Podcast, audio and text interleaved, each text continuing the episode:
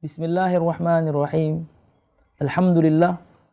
Wassalatu wassalamu ala rasulillah. Wa ala alihi wa ashabihi wa man wala. Wa la hawla wa la quwata illa billah. Al-musyahidun al-kiram.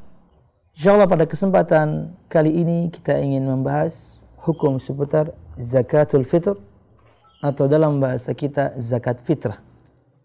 Dan insyaAllah kita akan sebutkan tujuh poin berkaitan dengan hukum seputar zakat fitrah. Yang pertama, kenapa dinamakan zakat fitrah? Dinamakan demikian karena ia diwajibkan kepada kita berkaitan dengan berakhirnya puasa di bulan Ramadan dan diperbolehkannya kemudian semua kita kembali makan, minum, dan yang lainnya. Dan ingat pemirsa, bahwasanya zakat fitrah tidak berhubungan dengan harta. Zakat fitrah berhubungan dengan zimma, tanggungan. Artinya zakat fitrah untuk mensucikan jiwa dan juga raga. Itu poin yang pertama. Poin yang kedua, hukum zakat fitrah. Maka zakat fitrah hukumnya wajib untuk setiap muslim berdasarkan sabda Nabi Muhammad sallallahu alaihi wasallam dalam hadis yang dikeluarkan oleh Imam Al-Bukhari juga Muslim dari sahabat Abdullah bin Umar bin Khattab radhiyallahu anhuma فرض رسول الله صلى الله عليه وسلم صدقة الفطر من رمضان صاعا من تمر أو صاعا من شعير على العبد والحر والذكر والذكر والأنثى والصغير والكبير من المسلمين Rasulullah sallallahu alaihi wasallam memfardukan Rasulullah SAW mewajibkan zakat fitrah begitu selesai bulan Ramadan. Satu sa' tamar, satu sa' gandum untuk seorang hamba sahaya atau orang yang merdeka, laki-laki atau perempuan, anak kecil ataupun orang yang sudah dewasa di kalangan kaum muslimin. Maka dari hadis ini kita dapatkan poin yang ketiga yaitu kepada siapa zakat fitrah diwajibkan maka kepada setiap kaum muslimin laki perempuan besar kecil budak atau orang merdeka wajib bagi mereka untuk mengeluarkan zakat fitrah dan dianjurkan lebih tepatnya disunnahkan untuk mengeluarkan zakat fitrah untuk janin yang sudah berumur 120 hari. Ketika kala itu Allah Subhanahu wa taala sudah meniupkan kepadanya ruh hidup dia. Dan praktek seperti ini dilakukan oleh para sahabat. Disebutkan, dinukilkan dari Uthman bin Affan radhiyallahu anhu bahwasanya beliau mengeluarkan zakat fitrah untuk janin. Boleh. Dan dari hadis tadi juga masih poin ketiga ini bahwasanya zakat fitrah sampai untuk seorang hamba pun ini wajib mengeluarkan tapi wajib untuk juragannya juragannya harus membayarkan. Mungkin konteks yakni perbudakan agak jauh untuk dari kita sekarang, tapi ini akan terjadi kembali. Di akhir zaman akan ada lagi perbudakan. Hadis Nabi Muhammad berlaku sampai kapan pun. Sinyal dari Nabi Muhammad SAW kita tahu kan, ketika Jibril bertanya, wahai Muhammad kapan hari kiamat? Kata Nabi Muhammad, yang engkau tanya tidak lebih mengerti dibandingkan yang bertanya. Oke, okay. Kata Jibril, kalau begitu apa tanda-tandanya? Kata Nabi Muhammad, di antara banyak tanda yang Nabi Muhammad sebutkan, antalidal amatu rabbataha. Seorang amah, seorang budak wanita, melahirkan anak juragannya. Budak wanita. Akhir zaman, budak wanita. Sinyal dari Nabi Muhammad bahwasanya di akhir zaman akan ada perbudakan kembali. Dan tidak ada perbudakan kecuali setelah terjadi satu peperangan yang besar antara kaum muslimin dan kafir. Oke, ini di luar pembahasan. Maka untuk budak, dia pun harus bayar zakat fitrah. Tapi wajib kepada juragannya. Juragannya harus yang membayarkan. Di luar kasus itu, di luar kasus perbudakan, maka orang yang bebas seperti kita semua insya Allah, maka zakat fitrah ini harus dikeluarkan oleh seseorang untuk dirinya, untuk orang-orang yang dia tanggung, atau siapa pun orang yang memang dia tanggung, dia support, dan kemudian dia sponsori. Harus dibayarkan zakat fitrahnya. Dan tentunya dia membayarkannya yakni dari makanan pokok negeri tersebut, contohnya kita adalah beras, dan dia betul-betul memiliki lebih untuk kebutuhan dirinya, kebutuhan anak istrinya, atau semua orang yang kemudian dia nafkahi, dia memang memiliki lebih. Makanya poin yang keempat bisa kita sebutkan bahwasanya tidak wajib zakat fitrah kecuali harus memenuhi dua syarat. Satu, tentunya harus muslim. Dua, harta yang berlebih dalam artian adalah harta ini adalah makanan pokok yang berlebih. Untuk dia di malam Idul Fitri, untuk dia di hari Idul Fitri, dia yang mengeluarkan zakat fitrah itu berlebih. Makanan pokoknya untuk diri dia ada, untuk anak dan istri dia ada, untuk semua orang yang kemudian dia tanggung misalnya ada. Bisa jadi mungkin paman bibi dia ikut dia, maka yang dia yang menanggung semua zakat fitrahnya. Kemudian poin yang kelima berkaitan dengan hikmah. Hikmah diwajibkannya zakat fitrah. Di antara hikmah diwajibkannya zakat fitrah adalah yang pertama zakat fitrah ini sebagai pengsucian jiwa raga di antara hikmah zakat fitrah, kenapa kemudian wajib kita tunaikan? Ini untuk pengsucian jiwa dan raga. Karena sangat mungkin ketika di bulan Ramadan kita banyak melakukan kesalahan. Ya, perbuatan sia-sia, kata-kata yang tidak pantas, dan hal-hal sia-sia yang lainnya yang terjadi di bulan Ramadan. Zakat fitrah untuk mensucikan hal tersebut.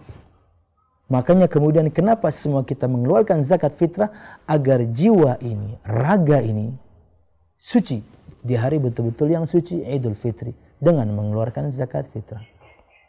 Dan kemudian yang kedua di antara hikmah diwajibkannya zakat fitrah disebutkan oleh para ulama ighna al-fuqara wal masakin anis su'al menjadikan orang-orang fakir dan miskin di hari itu tidak minta-minta. Dan tentunya ketika semua kita berbagi, semua kita insya Allah yang kemudian memiliki kelapangan dalam hal makanan pokok berbagi, maka kebahagiaan akan merata kepada yakni kaum muslimin. Sama-sama bahagia kita di hari yang suci, di hari yang fitri. Disebutkan dalam sebuah riwayat. Dikeluarkan oleh Imam Abu Dawud dan juga yang lainnya dari sahabat Ibnu Abbas radhiyallahu anhu Nabi Muhammad sallallahu alaihi wasallam bersabda farada Rasulullah sallallahu alaihi wasallam zakat al-fitri tuhratan lis-saimin wa tu'matan lil masakin Rasulullah SAW memfardukan, mewajibkan zakat fitrah sebagai pengsuci jiwa dan raga untuk orang-orang yang berpuasa dan sebagai makanan yang membuat kemudian mereka bahagia dengan makanan tersebut untuk orang-orang yang miskin. Kemudian di antara hikmah diwajibkannya zakat fitrah adalah ini adalah bentuk syukur kepada Allah Subhanahu wa taala. Bentuk syukur seorang muslim kepada Allah Subhanahu wa taala atas ibadah yang kemudian sukses dia lakukan dengan baik selama bulan Ramadan. Dan bisa jadi menjadikan dia insan yang jauh lebih baik setelah di bulan Ramadan. Tutur katanya lebih baik, akhlaknya lebih baik, akhlaknya pada Allah dengan menjalankan ketaatan, akhlaknya pada manusia jauh lebih baik. Kenapa? Berarti Ramadannya, puasanya, betul-betul bermanfaat buat dia dan zakat fitrah ini bentuk syukur atas kesuksesan yang dia lakukan selama bulan puasa. Wallahu a'lam bishawab. Kemudian poin yang keenam berkaitan dengan apa yang harus dikeluarkan. Apa yang harus dikeluarkan berkaitan dengan zakat fitrah. Maka dari hadis-hadis yang kita sebutkan di awal tadi, yang harus dikeluarkan oleh seorang muslim yang wajib atasnya mengeluarkan zakat fitrah adalah makanan pokok negeri itu. Makanan pokok negeri tersebut. Karena Nabi Muhammad menyebutkan, sa'an min tamrin atau sa'an min syair. Rasulullah SAW mewajibkan zakat fitrah ketika berakhir bulan Ramadan satu sa' kurma, satu sa' gandum. Atau kemudian makanan pokok yang lainnya. Jagung, atau sagu, atau untuk kasus kita di Indonesia beras. Ya, satu sa' kurang lebih satu sa itu adalah kalau untuk ukuran gram ya 2225 gram. Ya kurang lebih 2 kilo setengah lah ya. Kalau dikonversi jadi liter saya kurang tahu. Yang jelas 2 kilo setengah kurang lebih. Dalam hal ini makanan pokok kita beras. Dan diperbolehkan kemudian ketika zakat fitrah itu dikumpulkan diberikan kepada satu orang fakir zakat fitrah itu dikumpulkan diberikan kepada satu orang miskin. Ingat ya, mustahik zakat fitrah cuma dua, fakir dan miskin. Mustahik zakat fitrah, orang yang berhak mendapatkan zakat fitrah cuma dua, fakir dan miskin. Bukan kemudian total 8 golongan orang yang berhak menerima zakat, enggak. Untuk zakat fitrah cuma dua, fakir, miskin. Orang fakir itu adalah orang yang urusan primernya susah, makan aja susah, dan orang yang miskin itu primer oke. Okay. Tapi sekundernya susah. Jadi mereka yang berhak mendapatkan zakat fitrah. Cuma dua golongan ini saja.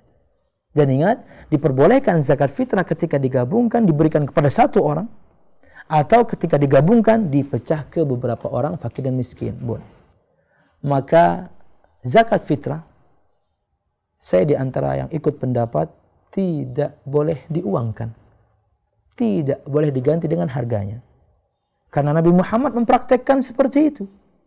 Para sahabat pun seperti itu. Padahal di zamannya, di zaman Nabi Muhammad, di zaman para sahabat, ada uang, ada alat untuk transaksi jual beli. Tapi mereka tidak pernah ganti zakat fitrah dengan harga, dengan uang. Terlepas dari perdebatan, ada yang memperbolehkan dengan alasannya, Wallahu alam bisawab. Karena bagi saya, Kenapa kemudian saya ikut pendapat yang tidak boleh diuangkan? Karena ini ibadah berkaitan dengan jenis, yaitu jenis makanan. Nabi Muhammad mempraktekkan bagaimana? Seperti itulah yang kita keluarkan. Dan ini adalah uh, poin yang terakhir berkaitan dengan hukum seputar zakat fitrah, yaitu poin yang ketujuh. Berkaitan dengan uh, kapan waktu dikeluarkannya zakat fitrah. Maka wajib dikeluarkan zakat fitrah begitu tenggelamnya matahari hari terakhir bulan Ramadan. Maka kala itulah sudah wajib untuk kaum muslimin mengeluarkan zakat fitrahnya. Dan untuk mengeluarkan zakat fitrah ini ada dua waktu. Satu waktu yang utama, dua waktu yang diperbolehkan dikeluarkan padanya zakat fitrah. Maka kalau kita sebutkan waktu yang utama, waktu fadilah, zakat fitrah itu lebih afdal dikeluarkan sejak terbitnya fajar Idul Fitri sampai sebelum salat Id. Ini waktu paling afdal. Sempit memang, tapi ketika kita berbicara sesuatu yang afdal, maka itulah keutamaan ketika seorang bisa melakukannya dan tidak banyak orang kemudian yang bisa melakukannya. Sejak terbitnya fajar di hari Idul Fitri sampai sebelum dilaksanakannya salat Idul Fitri, maka itulah waktu yang paling afdal. Dan kemudian berkaitan dengan waktu diperbolehkan dikeluarkan padanya zakat fitrah adalah satu atau dua hari sebelum Idul Fitri Sebagaimana praktek banyak para sahabat, di antaranya Abdullah bin Umar bin Khattab. Mereka membagikannya kala itu satu atau dua hari sebelum Idul Fitri. Maka ini waktu yang diperbolehkan. Dan tentunya dalam perkara ini luas, ada sebagian juga yang kemudian melakukannya lebih awal daripada itu. Wallahu a'lam bissawab. Al-musyahidun al-kiram, para pemirsa yang dirahmati Allah Subhanahu wa taala, dalam sebuah hadis yang dikeluarkan oleh Imam Al-Bukhari Muslim dari sahabat Abdullah bin Umar bin Khattab radhiyallahu anhu berkata, "Anna Nabi sallallahu alaihi wasallam amara bi zakatil fitri qabla khurujin nasi ila salah." Ini dalil untuk waktu yang afdal. Bahwasanya Nabi Muhammad SAW memerintahkan untuk mengeluarkan zakat fitrah sebelum manusia, sebelum masyarakat, sebelum orang-orang keluar untuk melaksanakan sholat id. Maka ini waktu yang paling afdal. Kemudian, yakni berkaitan dengan jalil, bolehnya satu atau dua hari dilakukan zakat fitrah atau dikeluarkan zakat fitrah sebelum id. Ini praktek disebutkan di banyak riwayat dari para sahabat di antaranya Abdullah bin Umar bin Khattab sendiri wallahu a'lam bishawab. Kemudian kemudian masih berkaitan dengan waktu dikeluarkannya zakat fitrah, maka tidak boleh mengakhirkan mengeluarkan zakat fitrah sampai setelah salat Id. Maka barang siapa yang mengeluarkan zakat fitrah setelah salat Id, maka ia bagian dari sedekah saja. Ya, dia adalah bagian dari sedekah saja, bukan zakat fitrah yang diwajibkan. Dan seorang tentunya berdosa ketika dia mengakhirkan, sengaja mengakhirkan. Padahal dia punya waktu satu atau dua hari sebelum Id. Atau bahkan dia sangat atau punya waktu. Di waktu yang afdal dia bisa keluarkan. Tapi kemudian diakhirkan. Nanti saja, nanti saja. Habis salat Id saja. Maka ini tentunya orang yang berdosa. Dan tidak tepat kemudian zakat fitrah diakhirkan sampai setelah salat Id. Tapi ketika itu dilakukan, maka ia bagian dari sedekah saja, bukan zakat. Wallahu alam bisawab. Disebutkan dalam sebuah riwayat. Dalam hadis yang dikeluarkan oleh Imam Abu Dawud dan juga yang lainnya. Man addaha qabla salah fahiya zakatun makbulah. Wa man addaha ba'da salah fahiya sadaqatun minas sadaqat. Kata Nabi Muhammad SAW, barang siapa yang melaksanakannya mengeluarkan zakat fitrahnya sebelum sholat id, maka itulah zakat yang diterima oleh Allah Subhanahu wa taala. Dan barang siapa yang mengeluarkannya setelah sholat id, maka ia bagian dari sedekah. Tentunya juga diterima Allah Subhanahu wa taala, tapi ia sedekah sunnah. Bukan kemudian menutupi kewajiban zakat fitrah. Maka perhatikan pemirsa rahimakumullah. Satu atau dua hari sebelum Idul Fitri, keluarkanlah zakat fitrah atau ketika Anda mampu mengeluarkannya di waktu yang utama yaitu sejak terbitnya fajar di Idul Fitri sebelum orang salat Idul Fitri maka ini waktu yang paling afdal. Wallahu a'lam bishawab. Semoga Allah Subhanahu wa taala memberikan kita kelapangan harta dalam hal ini makanan pokok hingga semua kita bisa mengeluarkan zakat fitrah untuk diri kita untuk anak kita, untuk istri kita, atau semua orang yang kita tanggung yang di bawah tanggungan kita, dan kita bisa mengeluarkannya, yakni pada waktu yang tepat. Insyaallah amin ya rabbal alamin. Karena ini tidak berkaitan dengan harta, ini berkaitan dengan zimmah atau tanggungan. Zakat fitrah untuk mensucikan jiwa, zakat fitrah untuk mensucikan raga. Dari semua kesalahan yang mungkin kita lakukan, bukan mungkin. Yang kita lakukan selama bulan Ramadan. Entah perkataan yang kurang tepat atau perbuatan yang sia-sia maka zakat fitrah akan menutupinya. Wallahu a'lam bisawab itu yang bisa kami sampaikan pada kesempatan kali ini. Mudah-mudahan bermanfaat. Salah khilaf. Saya mohon maaf. Assalamualaikum warahmatullahi wabarakatuh